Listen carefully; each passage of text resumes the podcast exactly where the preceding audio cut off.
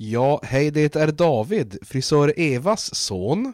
Eh, frisör Eva är ju ett, ett väldigt fint lokalt företag som tyvärr inte existerar något mer. Men ett annat lokalt företag som faktiskt existerar, det är SMT Norrbotten. Och jag skulle nog vilja säga att det kanske till och med är lite, lite finare än frisör Eva för att de gör ju allting egentligen som har med svets och ek att göra och ingenting är så för stort eller för litet. Saker kan ju vara för stort eller för litet för att klippa med en frisörsax. Men ingenting är så för stort eller för litet för SMT. Så att jag tycker att ni gör så, om ni har någonting hemma som behöver svetsas, då ringer ni SMT. Bra, hej!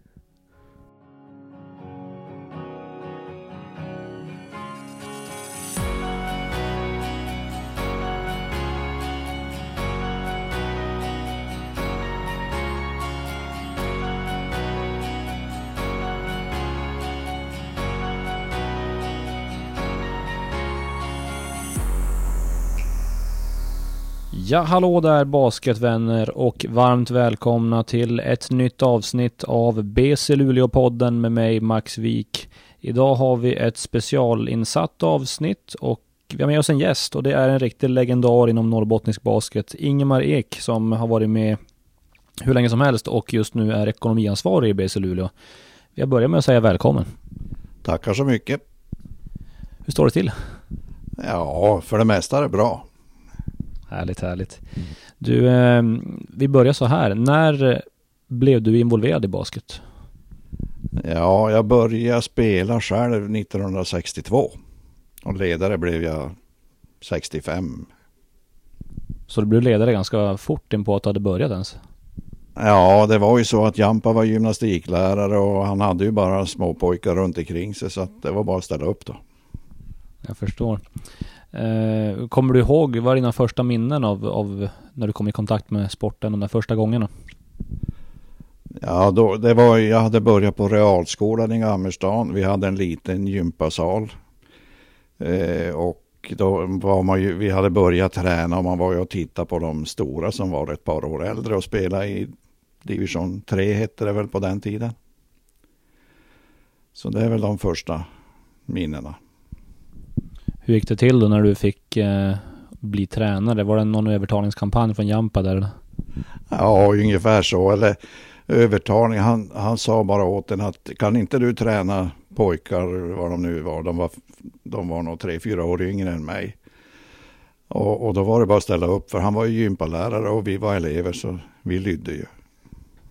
Hur var det att gå in i det på en gång då med tanke på att du ändå hade bara spelat i tre år? Ja, men det var för det mesta var det ju roligt.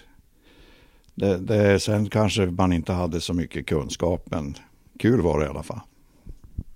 Så är det. Du, eh, din egen spelarkarriär då? Hur bra var du?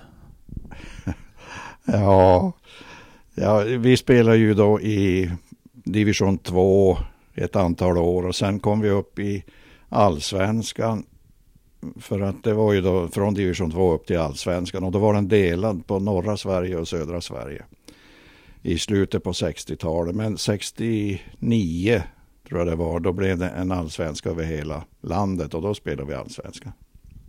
Och allsvenskan var då, var det högsta serien på den tiden? Ja, det var högsta serien och då, på den tiden var det ju Alvik som dominerade. Och vi fick väl ganska mycket stryk. Vi tillhörde ju de yngre och sämre. Just det. Uh, och du började bli tränare där sa du, tre år in i basketspelandet. Hur länge har du hållit det i liv? Ja, nu de senaste två åren har jag inte varit tränare, men det, det blev ju, ja vad det nu blev, drygt 50 år som tränare. Och sen är jag ju i och för sig då kassör, vilket jag har varit under, ja inte från 65 kanske, men jag var nog 70 16-17 år när jag blev kassör första gången och det är jag fortfarande. Och enligt Jampa var du 13-14 när du blev kassör och sånt där? Ja, han, han har ju inte så bra koll på läget heller. Han har inte riktigt koll heller på när jag blev damtränare eller varför jag blev damtränare. Men då kan vi reda ut det här då. När blev du damtränare och varför? Ja, men det var 68. Och eh, då, på den tiden så var vi, spelade vi ju Gammelstads IF. Eh, damerna spelade i allsvenskan, eller hade spelat i allsvenskan, men åkt ner till, eller gjort sig ner själva till division 2 för att det var många som slutade då. Och de skulle träna i B-hallen inne i stan. Och vi, vi hade som sagt var en buss i föreningen så då ville Jampa att, och jag hade nyfått körkort, så kan inte du skjutsa dem till träningen? Och det ville man ju för man ville ju köra bil. Och sen efter ett par veckor så sa hon, och förresten när du ändå är där kan du inte träna damerna då? Så att eh, så blev det. Och det var, krävdes ingen större övertalning där utan du körde på? Nej, jag har försökt att vara lydig i alla år. och han har ju inte sagt åt mig att sluta än så att än håller jag på. Det är härligt.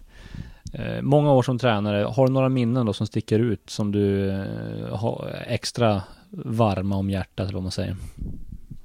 Ja, alltså det, det, största var väl då, vi gick ju upp då i allsvenskan med damerna igen 72, 72, 73 tror jag det var. Ja, för att då var jag tränare för dem i allsvenskan fram till Plannja Basket bildades 76. Och vi klarade oss hyggligt bra. Vi tillhörde de fyra bästa lagen i landet då.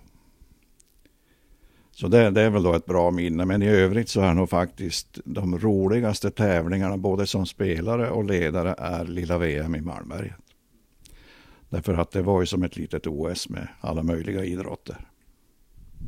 Var det där i, någon gång i samband med att Lilla VM eh, bildades eller eh, hade du hållit på ett tag eller hur var det? Nej, alltså jag är ju då född 49 och eh, det var 65 då var första året som basket kom med i lilla VM. Och, och då, vi var ju ingen stor sport, men vi var faktiskt 104 lag som kvalade till lilla VM. Så att alla andra idrotter var ju lite chockade att vi kunde prestera så mycket. Men det var ju Jampa och Lasse Asa och många av de här gamla ledarna som såg till att det fanns ett lag i varje by plus att de lite större föreningarna fick ju göra många lag. Hur länge höll du igång med spelarkarriären då parallellt med att du var tränare? Ja men då, då ryckte jag in i lumpen 1970. Så säsongen 70, 71 blev det, det blev lite spel va? men 72 slutade då när vi gick upp i damallsvenskan.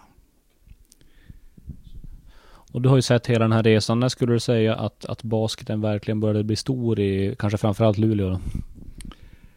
Ja, det tog ju riktig fart egentligen eh, 81 kan man säga. För att eh, 79, 76 till 79 så hade vi ju både damer och herrar i Plannja Basket.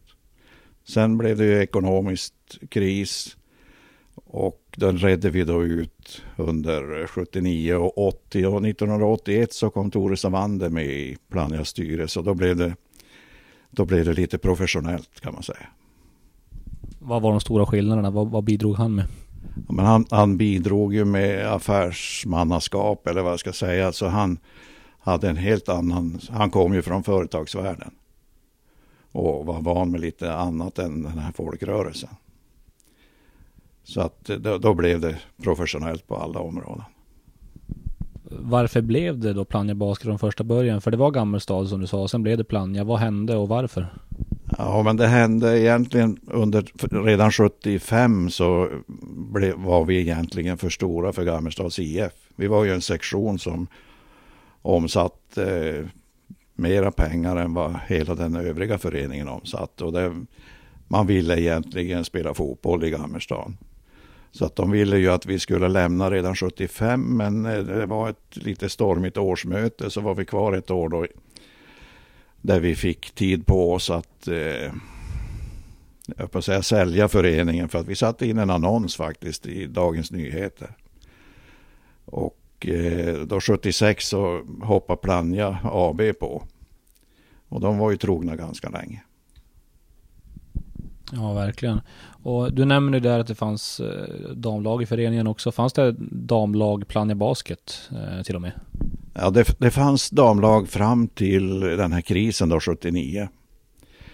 Och då var det vi då som, eh, jag satt inte i Plannjas styrelse då utan jag var kvar i, i Falken i Gammerstan då. Men jag och Åke Larsson och någon fler fick hoppa in och reda ut problemen då. Och då var det Planjas styrelse och lite folk runt omkring då som startade Luleå Basket. Och eh, så att de var med tre år kan man säga. Sen blev de sina egna, vilket kanske var en av de bäst, bättre grejerna under alla år. Du och jag har ju pratat om det där tidigare, men eh, Eh, och det, du har ju hävdat att det rådde en liten förvirring där kring vad som egentligen hände Om att de blev de utsparkade eller blev de, det var ju snarare att man räddade dem. Ja, det var Planjas VD på den tiden, han hette då Harald Bernhardsson, han hade ett uttalande i tidningen om att man skulle slänga ut damerna för att de kostar för mycket pengar. Men vi som var eh, idealister tyckte ju inte det. Vi ville ha både damer och herrar.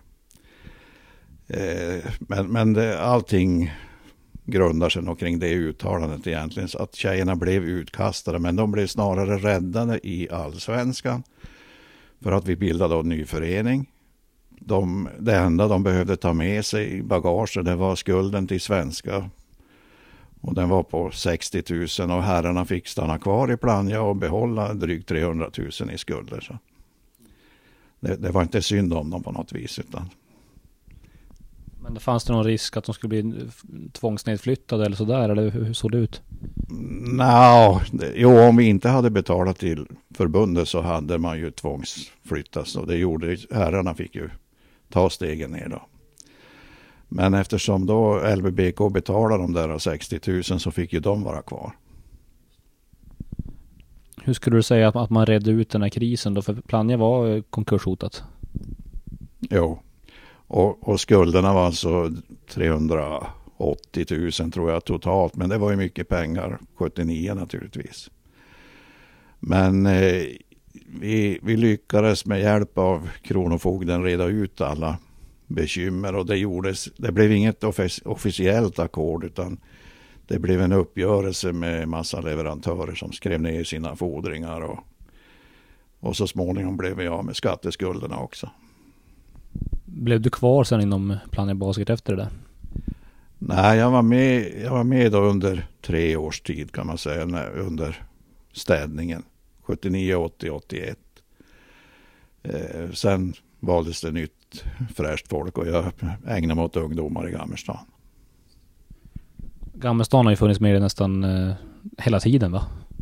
Ja, man kan säga att ursprunget är därför Jampa kom dit som gymnastiklärare.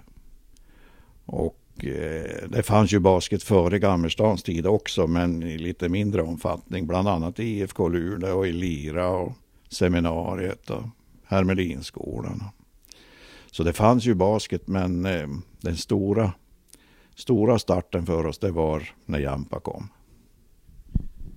Och eh, du har ju också fått vara med om när Luleå Basketcentrum bildades och hela, hela modellen kring det med stadsdelslag i Luleå och så vidare. Kan du berätta hur det gick till och hur ni resonerade där?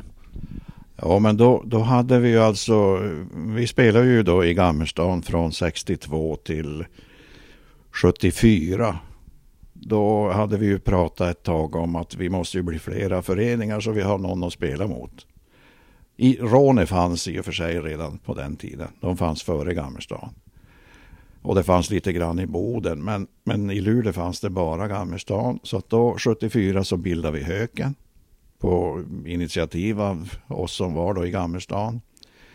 Eh, och sen nästa steg då, det tror jag var 76 eller 77, 77 måste det ha varit, så bildade vi Vråken.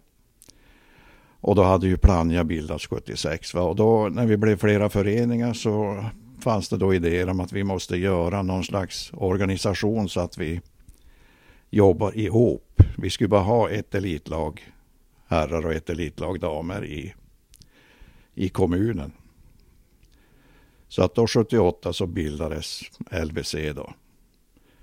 Med, med, ja, som styrde egentligen upplägget hur, hur basketen skulle utvecklas. Det känns ju som en självklarhet idag när man är uppvuxen själv i LBC-modellen och, och funkar klockrent. Men hur mottogs det på den tiden? Var det, var det en succé på en gång? Eh, ja, det, alla jobbade efter de riktlinjerna och det var aldrig någon diskussion egentligen utan allting flöt på. Alla tyckte det var bra med samarbete och att vi, att vi riktade oss mot ett elitlag för att det fanns inte underlag för att ha mer än ett. Så alla förstod upplägget. Det, det är mera diskussion nu då när en del kan få för sig att gräset är grönare någon annanstans. Men eh, tycker du att modellen eh, står sig än idag?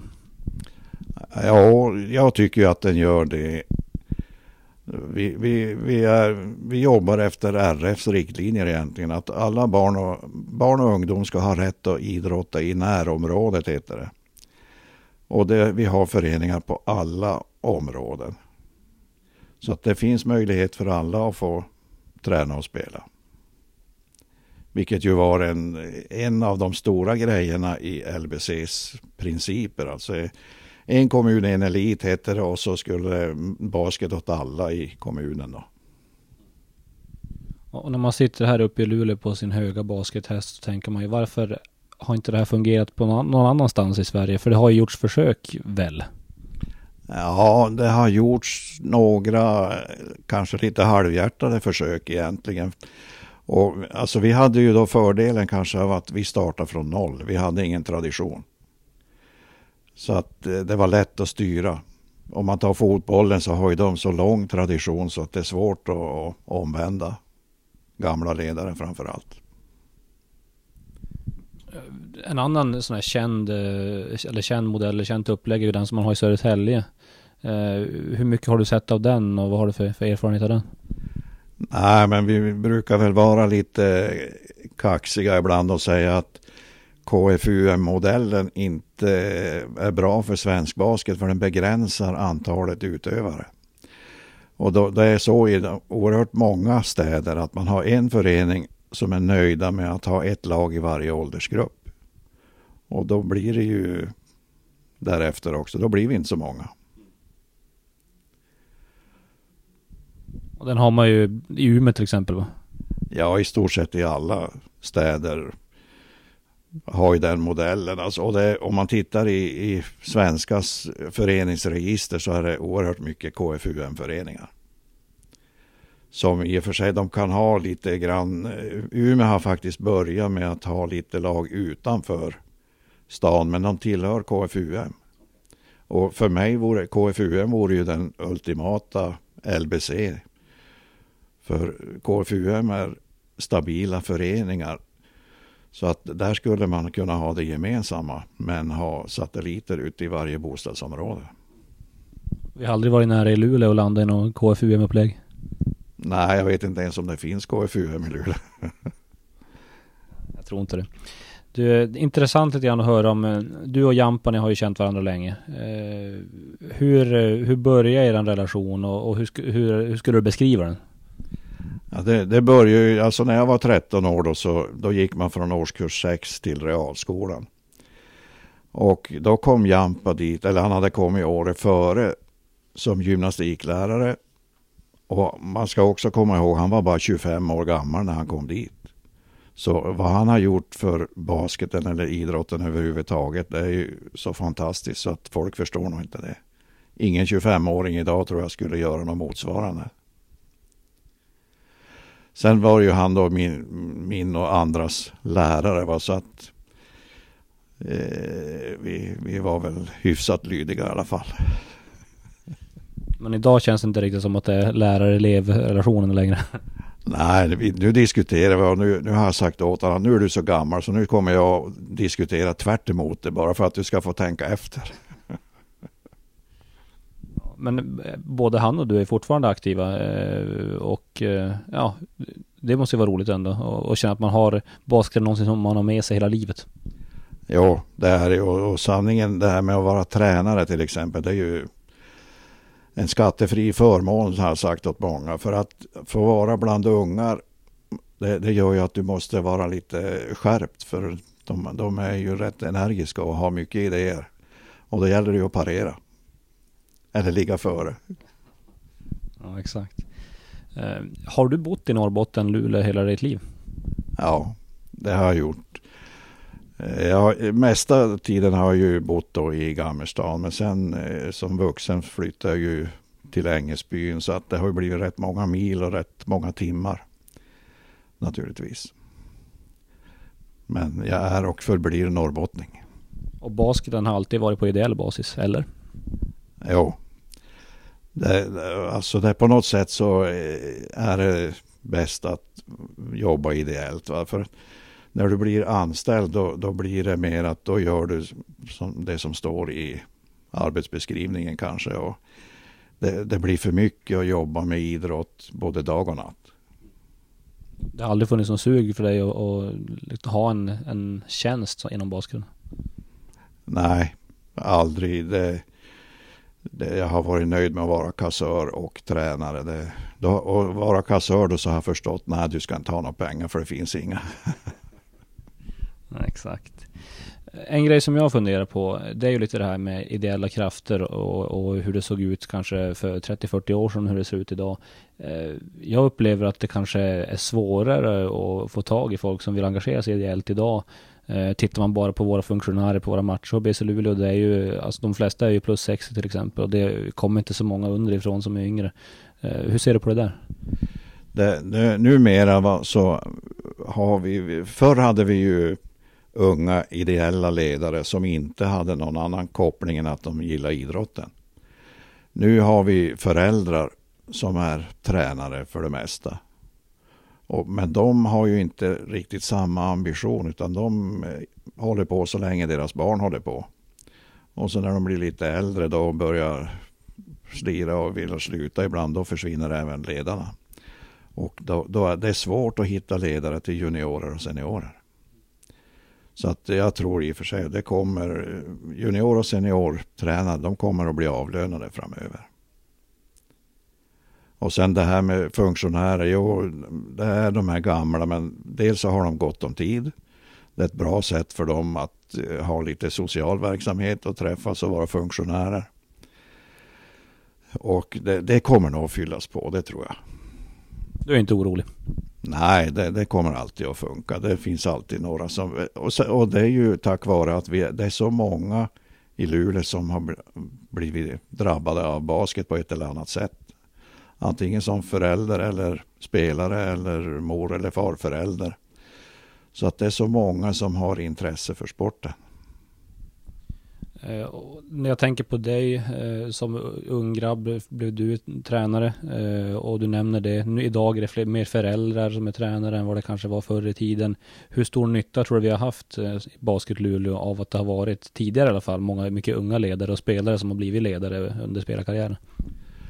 Ja, men det, det har ju, det gjorde oss ju ganska bra under många år där i början att, att det var det var sådana som spelade själv som var intresserade av sporten som eh, de var mer intresserade än vad en förälder idag är. Även om en, de flesta föräldrar har på ett eller annat sätt varit då, antingen spelare eller på något annat sätt varit i kontakt med idrotten.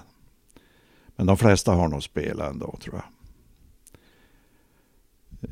Eh, vi har ju haft ganska många unga tränare som har kommit ut i landet och varit i andra föreningar och coachat på ganska hög nivå. Men, men där behöver vi göra någonting nu. Ja, du, du säger det och på rak arm kan man ju tänka på ganska många från Luleå som är tränare på elitnivå. Jesper Gustafsson i Umeå, vi har Micke Blomqvist i Umeå, vi har Tommy Hansson som har varit i ligan, Peter Ökvist i BC Luleå. Det, eh, det är ganska många eh, av de här eh, ledarna på elitnivå som kommer från Luleå. Ja, det, så är det ju. För, för några år sedan var det ju halva serien som hade Luleå-tränare. Vilket i och för sig, det är roligt naturligtvis, men samtidigt så är det ju en svaghet för svensk basket att vi i Luleå med 78 000 invånare än vad vi är nästan dominerar svensk basket. Det, det finns många stora städer som har mycket att göra. Är det viktigt att vi får uh, unga spelare att engagera sig som ledare i, på nytt så att säga som de gjorde kanske för 30-40 år sedan? Jo, för, för idrottens skull så är det jätteviktigt. För att de, de, är intresserade av att utveckla det här och samma sak, det är jätteviktigt att vi hittar många unga domare som har spelat, som har känsla för spelet och inte bara har läst regelboken. Har du någon idé om hur man ska gå tillväga då? Nej, det, vi, för många år sedan så började vi faktiskt med att kollektivansluta alla årskurs 9 till ut, grundutbildning. Och jag tror vi, vi måste fortsätta med det för att om alla får chansen till utbildning så kommer det att bli 20 procent av dem som vill gå vidare. Och, och, då kommer vi att hitta våra tränare och vi kommer att hitta våra domare. Så att eh, det är bara hårt arbete som gäller. Om du tänker då, du som varit med från början, hur skulle du säga att basketen i Luleå mår idag generellt? Ja, just nu så är det, vi har varit nere i en svacka på eh, de som är födda ja, i, på 2000-talet kan man säga. Det har varit mindre ungar i skolan. Vi, för det mesta tidigare så har vi legat runt 10 000 som har gått på grundskola. Då. Och vi har varit nere i 8 000 och det är klart att det är rätt stor skillnad. Det vi, vi tävlar ju om alla de här ungarna. Vi vill ju att 20 procent av dem ska spela basket. Och det är klart det är skillnad på 8 och 10 000 då. Vad finns det för andra utmaningar än det då? Ja, alltså det nöjda ledare kanske. Nej, men det, det, är jätteviktigt att man rekryterar varje år.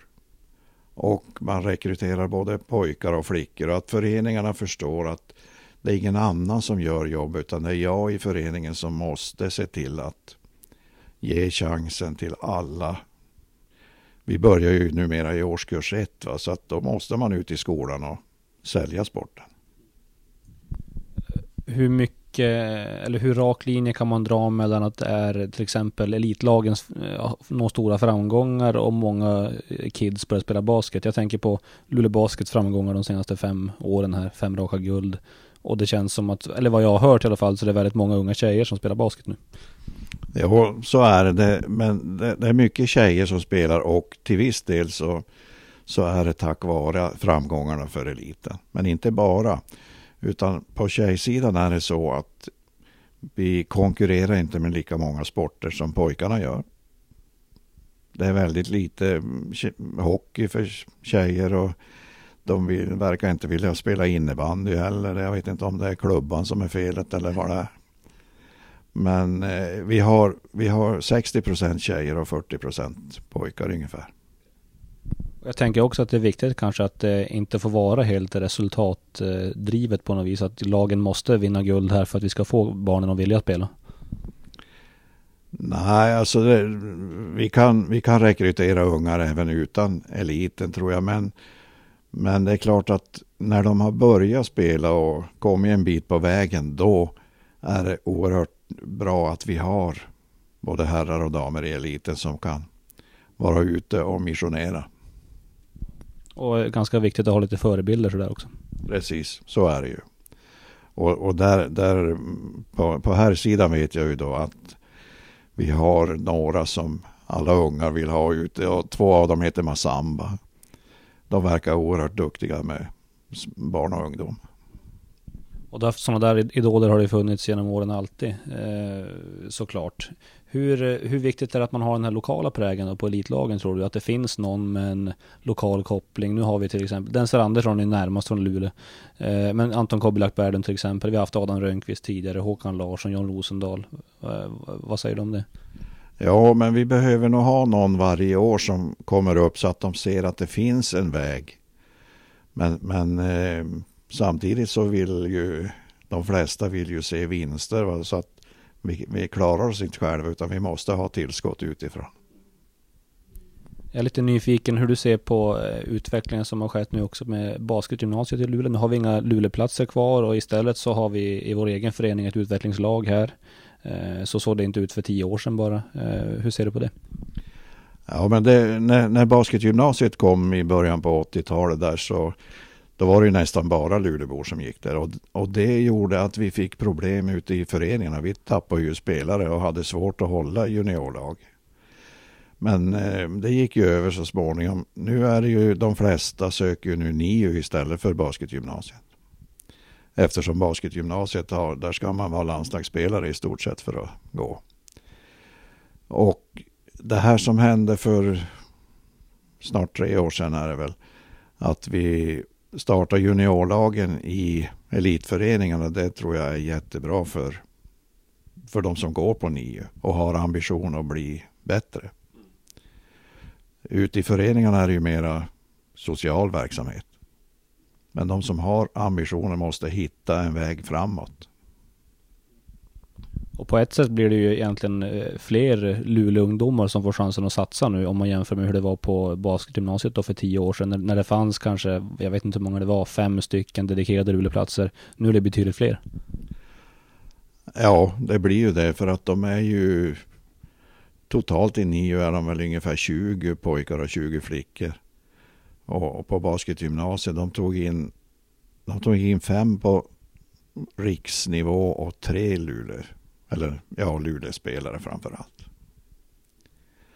Så att eh, då har det ju ökat, ökat i antal de som får möjlighet. Då. Jag, vet, jag tror jag pratade med Dennis Aulander, jag kommer inte ihåg när det var, kanske något år sedan här när jag, när jag var journalist och jobbade som det. Och då eh, höll han ett litet resonemang kring det att han kanske tyckte att eh, riksbasket i gymnasierna, de kanske har spelat ut sin roll lite grann. Håller du med eller hur tänker du där? Ja, jo, jag kan hålla med delvis för jag tillhör ju de som ifrågasätter landslagsverksamheten för ungdomar. Det, alla idrotter säger ju att det blir inga seniorlandslagsspelare av ungdomarna. Utan det är helt andra spelare som kommer dit. Och då kan man ju fundera på varför lägger vi så mycket resurser på det? Vi kanske skulle nöja oss med junior och seniorlandslag. Men det är klart juniorlandslagen det är ju basketgymnasieålder. Så att nu, nu är det bra att det finns. Det, det, det, är ju ändå på två platser så det är ju. Ja vad blir det nu? Fem, det är 30 spelare. Väl som får chansen att ha bra träning och utbildning. Men eh, U15-anslag till exempel, det, det är inte din melodi? Nej, det är säkert roligt för de som blir uttagna. Men, men jag tycker att eh, kostnaden är för hög till utfallet. Finns det några exempel, eh, jag vet, jag vet inte jag, jag har själv dålig koll, men vet du om det finns några exempel runt om kanske i Europa eller världen där man, där man inte jobbar med de här U15 och U16? Nej, jag har inte koll. Jag, jag är rädd för att det är allt för många som håller på med det av någon anledning. För att man har gjort det förr eller vad det är, jag vet inte. Men, men jag tror att det är lika bortkastat för alla. Om vi tittar på resan som, eh, som klubben som en gång i tiden tillhörde Gammelstad och idag heter BC Luleå. Eh, kunde du föreställa dig den resan på den, någon gång där när, eh, när Gammelstad blev Plannja Basket? Nej, det, det, kan jag inte säga att vi, vi inte, knappt drömde om. Det är klart att någonstans så drömde vi om att kunna spela en basketmatch i ishallen. Och det blev ju då sanning någon gång i slutet på 90-talet var det väl.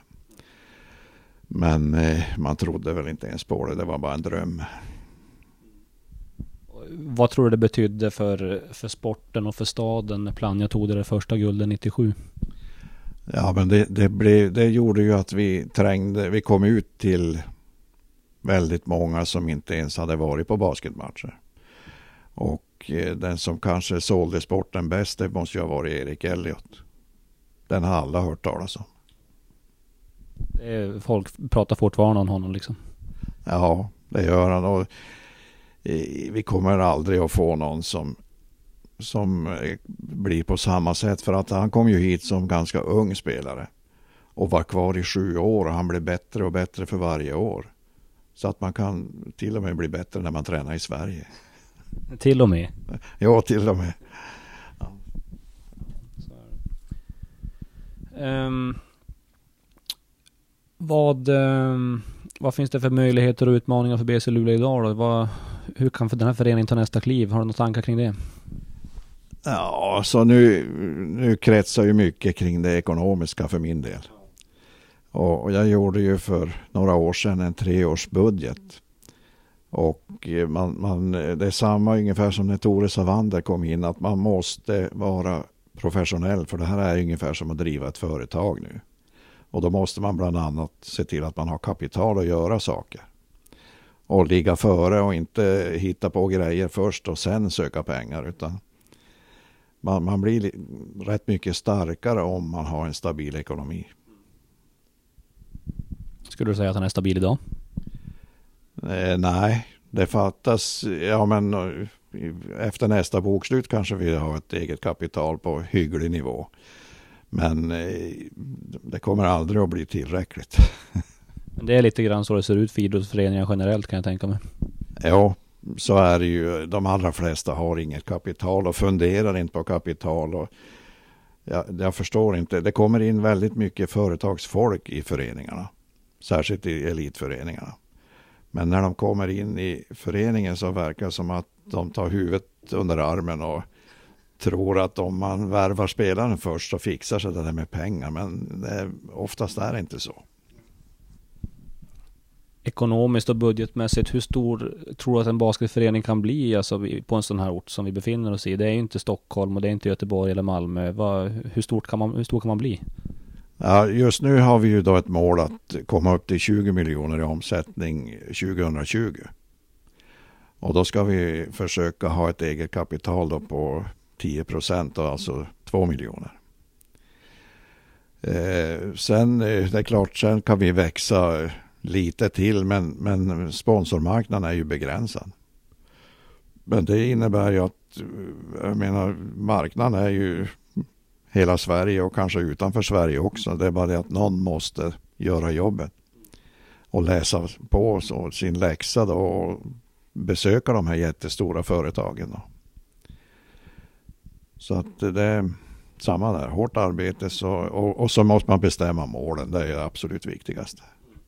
Har man inget mål och bara försöker få ihop årets pengar då för årets kostnader, ja men då spelar vi ju oavgjort varje match. Det är bättre att lägga ner då.